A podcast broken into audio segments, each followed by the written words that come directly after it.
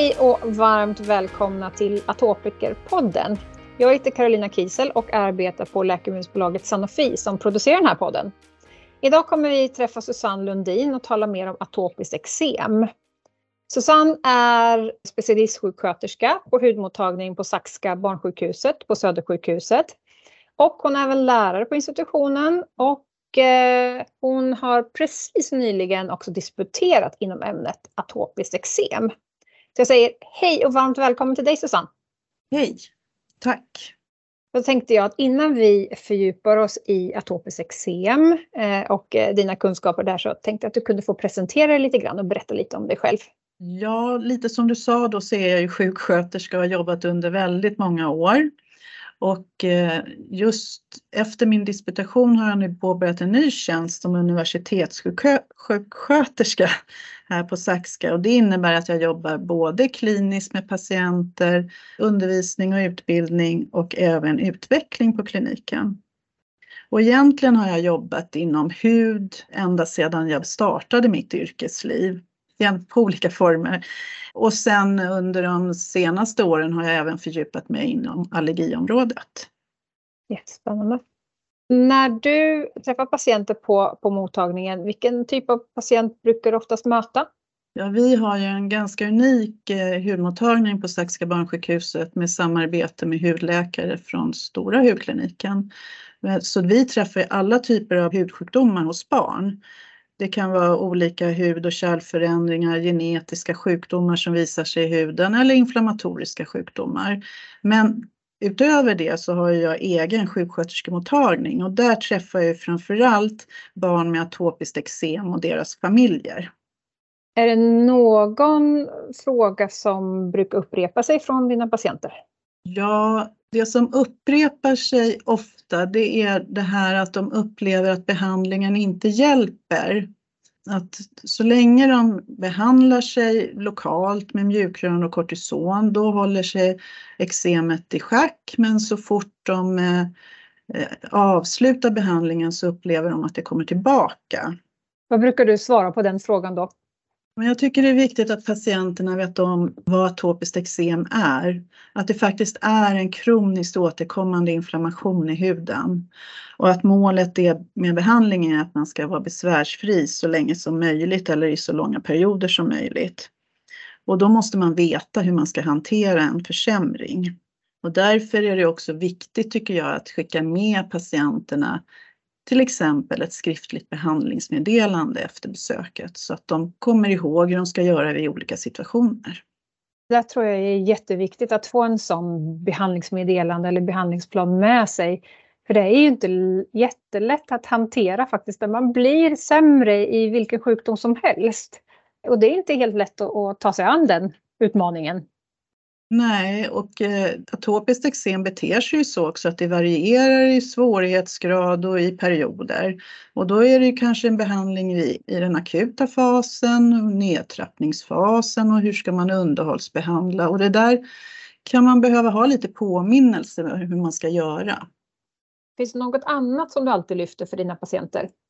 Det är väl att ha lite kontinuitet i själva behandlingen. Att inte avsluta behandlingen för tidigt. För det tycker jag är ganska vanligt att man av olika anledningar tänker att man inte ska smörja så länge med till exempel kortison och då avslutar man kanske så fort man tycker att eksemet ser bra ut fast man kanske behöver fortsätta en lite längre tid innan man börjar trappa ner. Om man till exempel smörjer med starkare krämer då. Utöver det så behöver man ju också veta hur man ska använda de här olika krämerna. Var ska man smörja kortisonet och var ska man smörja med mjukgörande?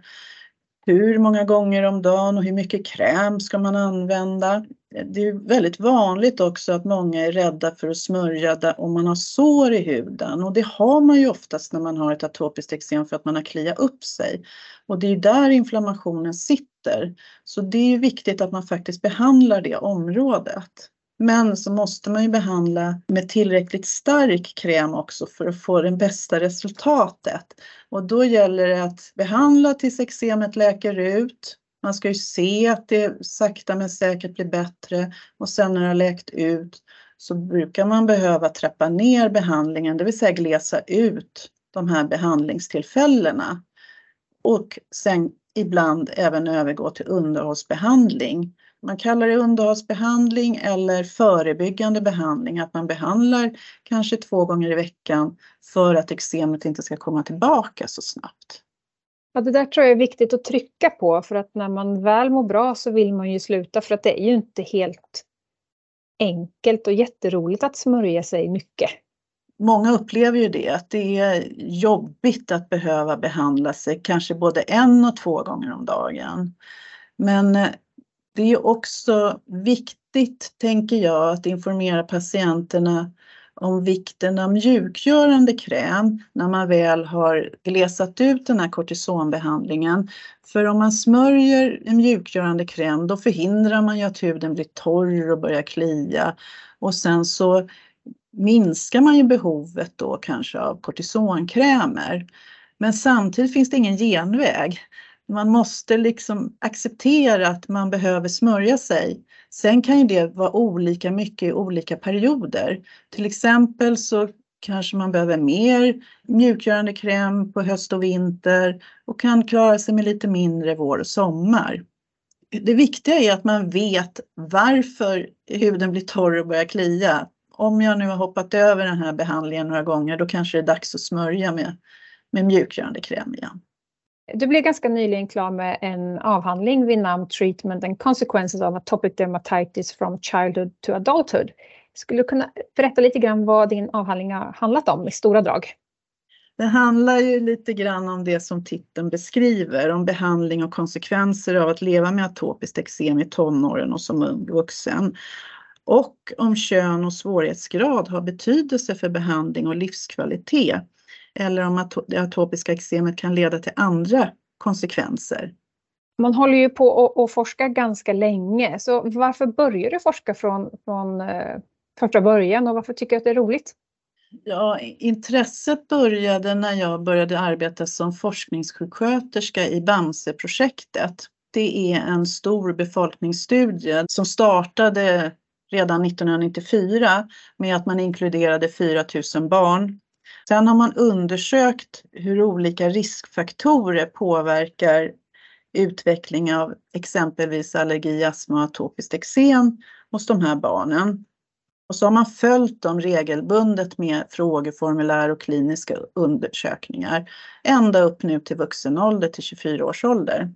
Under mitt arbete vid 16-årsuppföljningen då så träffade jag många ungdomar som hade atopiskt eksem och som även verkade ha en del besvär av sitt eksem.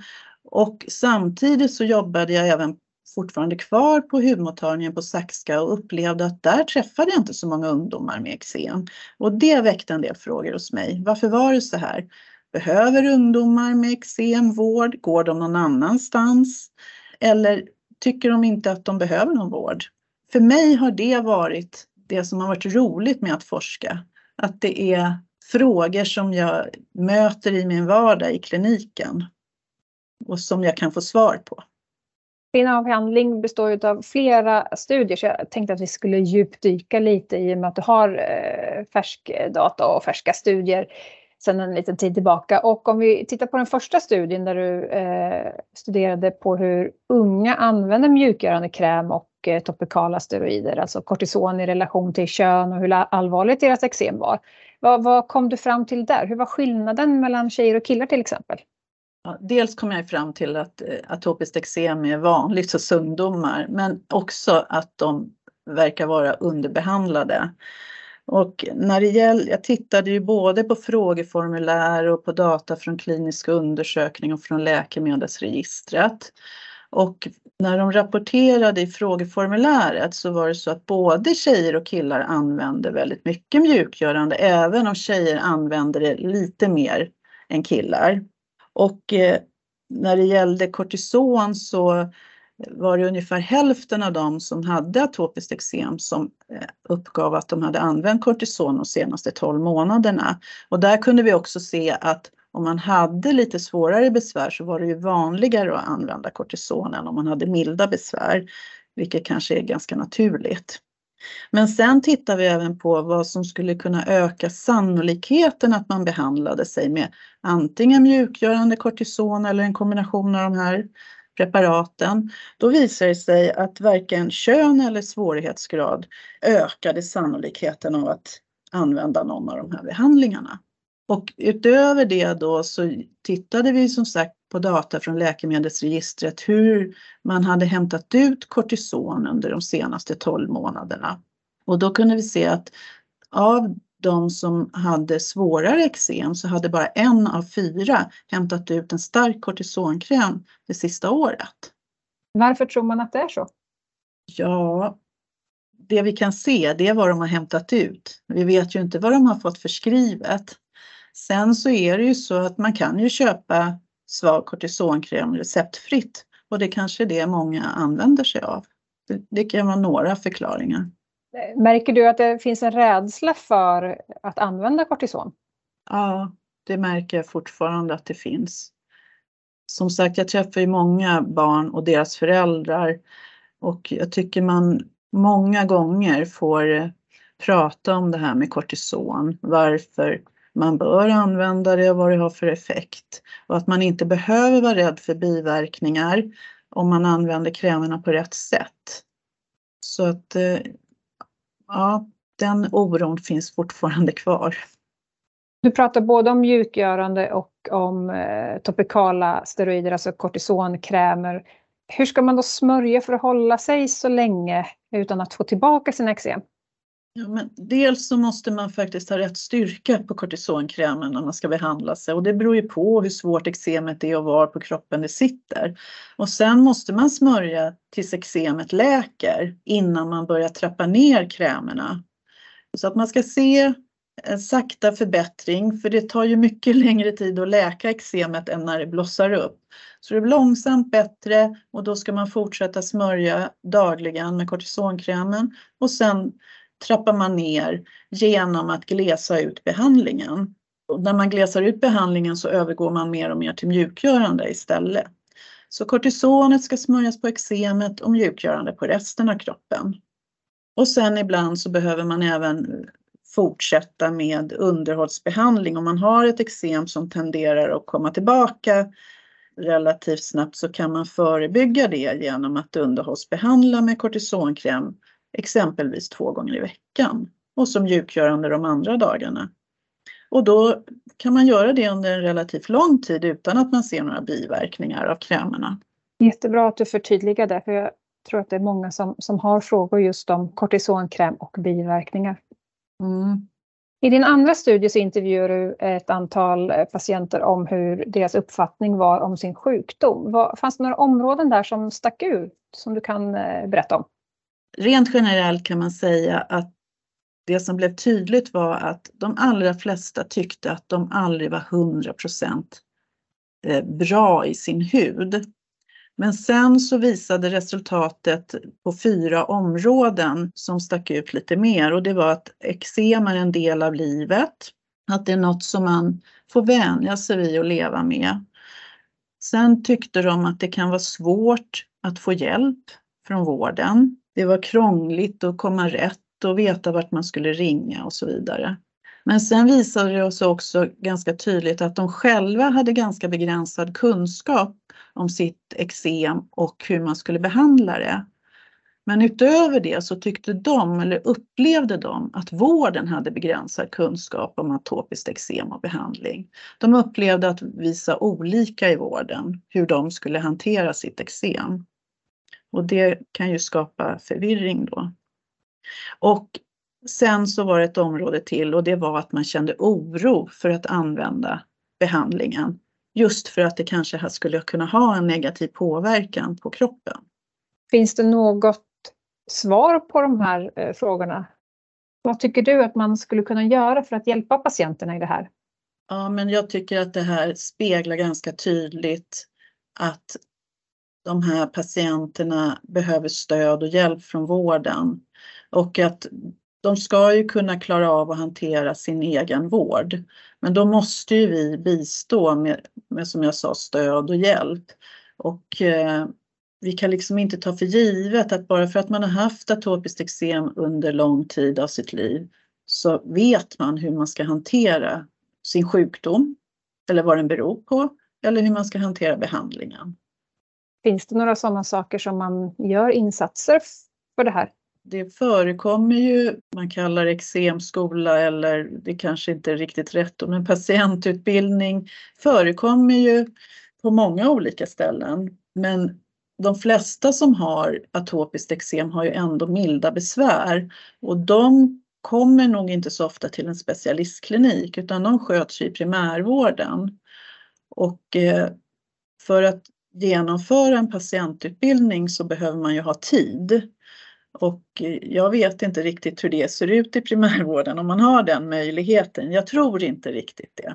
Och även om man har haft det här atopiska eksemet under lång tid så behöver man repetition vid flera tillfällen eftersom det kanske går en lite längre tid innan man kommer till vården igen så kan det vara bra att repetera hur man ska behandla sitt eksem. I din tredje studie så studerade du atopisk dermatit i relation till livskvalitet. Vad var dina slutsatser där?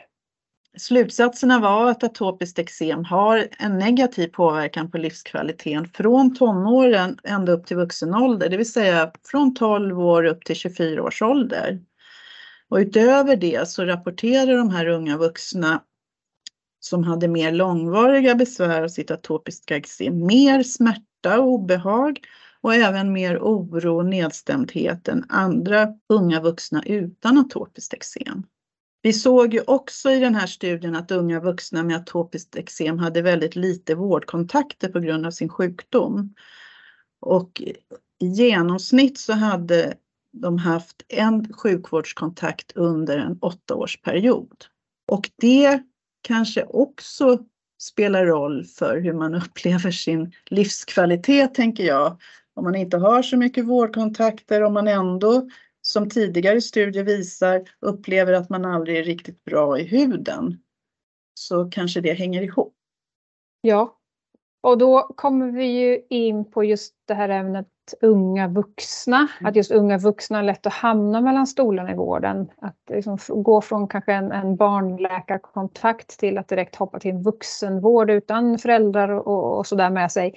Eh, varför tror du att det blir det här glappet i, i vården Ja, men jag tror att eh, om man är i barnsjukvården på grund av sitt atopiska eksem med kanske väldigt regelbundna kontakter eller ja, beroende på hur mycket besvär man har så finns det ingen naturlig övergång sen om, när man blir äldre till vuxenvården.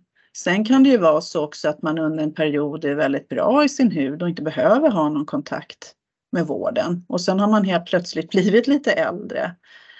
Och när man är liten så är det ju oftast föräldrarna som tar det största ansvaret för behandling och att man kommer iväg till sin läkare eller sjuksköterska. Och sen är man helt plötsligt tonåring eller äldre tonåring så ska man ta det här ansvaret själv och då har man liksom inte blivit förberedd på det här. Man vet kanske inte vart man ska vända sig. Man har kanske inte full koll på hur man ska behandla sig för att tidigare var det ens föräldrar eller någon annan som hjälpte till med det. Så att eh, jag tror att den här överföringen, det som ska ske inom en själv, i alla fall har varit lite dåliga på inom vården, att eh, stötta i tidig ålder. Och sen så just för de här patienterna så som jag sa finns det kanske ingen naturlig Eh, naturligt ställe som den här övergången ska ske till, utan då får man kanske vända sig till primärvården. Och då får man ju själv ta den kontakten. Vad tror du vården kan bli bättre på för att förhindra det? Du var lite inne på det, men, men ja. finns det någonting mer man kan göra bättre?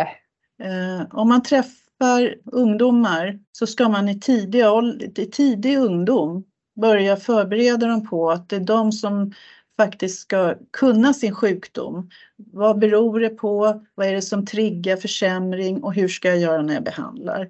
Och det måste vi uppmuntra och stötta. Så att det är liksom de som får sakta men säkert ta över det här ansvaret från sina föräldrar. Jag tänker att man faktiskt kan träffa de här ungdomarna själva under ett besök. Kanske inte hela besöket men en delar av besöket för att de ska få känna på det här lite grann och öva sig, om man säger så, in i den här vuxenvärlden. Och att man pratar om att det faktiskt är de som ska sköta sin behandling. För det kan jag se, som vi sa tidigare, det är ju lite jobbigt att smörja sig och sådär. Och då kanske det är lätt att man ber om hjälp, eh, även ganska högt upp i åldrarna. Det kan ju vara bra att liksom ta över det där ansvaret lite mer och mer ju äldre man blir. Jag tänker att i den åldern så är det mycket som händer. Det är mycket på mentala fronten, det är mycket på fysiska fronten, det är mycket i skolan, det är mycket med vänner och det sociala. Det är mycket att hålla reda på. Ja men absolut är det mycket att hålla reda på och det här med att man kanske faktiskt inte vill kännas av sin sjukdom heller. Utan det är väl vanligt att man vill liksom vara som alla andra. Men jag tycker man kan prata med ungdomar faktiskt när man träffar dem. Utgå från vad de har för mål och vad de vill. Vad tycker de om hur det är att ha eksem? Vad har de själva för tankar på vad de kan göra för att liksom må så bra som möjligt? Och då upplever jag ändå att de, de är ju väldigt kloka. Sen så är det ju så att vi måste ju låta dem förstå att vi förstår att det här är jobbigt. Och det viktigaste är att vi kan prata om det. Hur har behandlingen gått till och kan vi göra någonting för att det ska fungera bättre och sådär. Ja, utifrån deras egna behov och vad de själva vill. Det, då tror jag man kommer längst. Det hjälper ju mm. inte att vi står och säger att du ska göra så här och så här och så här. Eh, det brukar inte bli något bra. Det kanske inte är alltid så roligt att prata om risker som finns kopplat till atopisk dermatit. Men i din fjärde studie så djupdök du just eh, olika risker kopplade till atopiskt eksem. Vad kom du fram till där? Där tänkte vi lite så här att atopiskt eksem det är ju en form av en låggradig inflammation då. Har man inte behandling så kanske man har den här låggradiga inflammationen under lång tid och kan det medföra några eventuella risker? Och eh, det vi såg då det var att hos män som hade atopiskt eksem så fanns det ett samband med en ökad risk för kardiovaskulära riskfaktorer så, som övervikt, högt blodtryck och blodfetter. Utöver det så verkar det som att tidig debut och eh, långvariga besvär av atopiskt eksem svårighetsgrad också är av betydelse för de här riskfaktorerna hos både män och kvinnor. Fyra spännande studier du har gjort, verkligen. Mm. Vilket jobb! Grattis till disputationen och avhandlingen kan jag säga. Tack så jättemycket. Något som också förändras snabbt eh, här nu de senaste åren och är ju en fördel för patienterna är ju tillgången till eh, nya typer av behandlingar. Eh, hur har vården och patienternas tillvaro förändrats tycker du i och med det här? Ja, det är ju bra att det finns andra behandlingsalternativ och som patienterna kan sköta själva hemma. Särskilt för de som har svårare atopiskt eksem. Så på det viset eh, är det bara en fördel. Eh, för vårdens del så är det ju också positivt att det finns fler alternativ. Och sen beror det ju på var man befinner sig i den här eh, behandlingstrappan så att säga. Har man använt de lokala behandlingarna som är det första alternativet så måste man ju komma vidare i den här behandlingstrappan så att man får hjälp. Man ska ju inte behöva ha de här besvären, utan man ska ju faktiskt kunna vara besvärsfri även om man har ett lite svårare eh, atopiskt eksem. Och då är det ju bra att vården har fler alternativ att välja på. Skulle du kunna ge några eh, tips eller råd till de som lyssnar om, om eksem som du tror att de skulle ha nytta av? Det är ju det här att eh, ha en viss regelbundenhet när det gäller behandling för att faktiskt kunna utvärdera resultatet. Det är inte förrän man börjar använda de olika behandlingarna regelbundet som man kan utvärdera om det hjälper eller inte. Och om man verkligen har gjort allt vad man kan och haft rätt styrka på alla krämer och så och det inte hjälper, då måste man ju liksom komma vidare i vården. Beroende på vilken vårdnivå man befinner sig på. Så att då tycker jag att de ska stå på sig för att få rätt hjälp. Man ska inte behöva gå och känna att ja, det är så här det kommer att vara för mig, utan det kan faktiskt finnas många andra alternativ. Och eh, då får man kanske vara lite tjatig eller begära remisser till rätt ställe och så vidare. Jättebra. Sista frågan till dig Susanne, mer en personlig fråga och det, vad gör dig lycklig Susanne?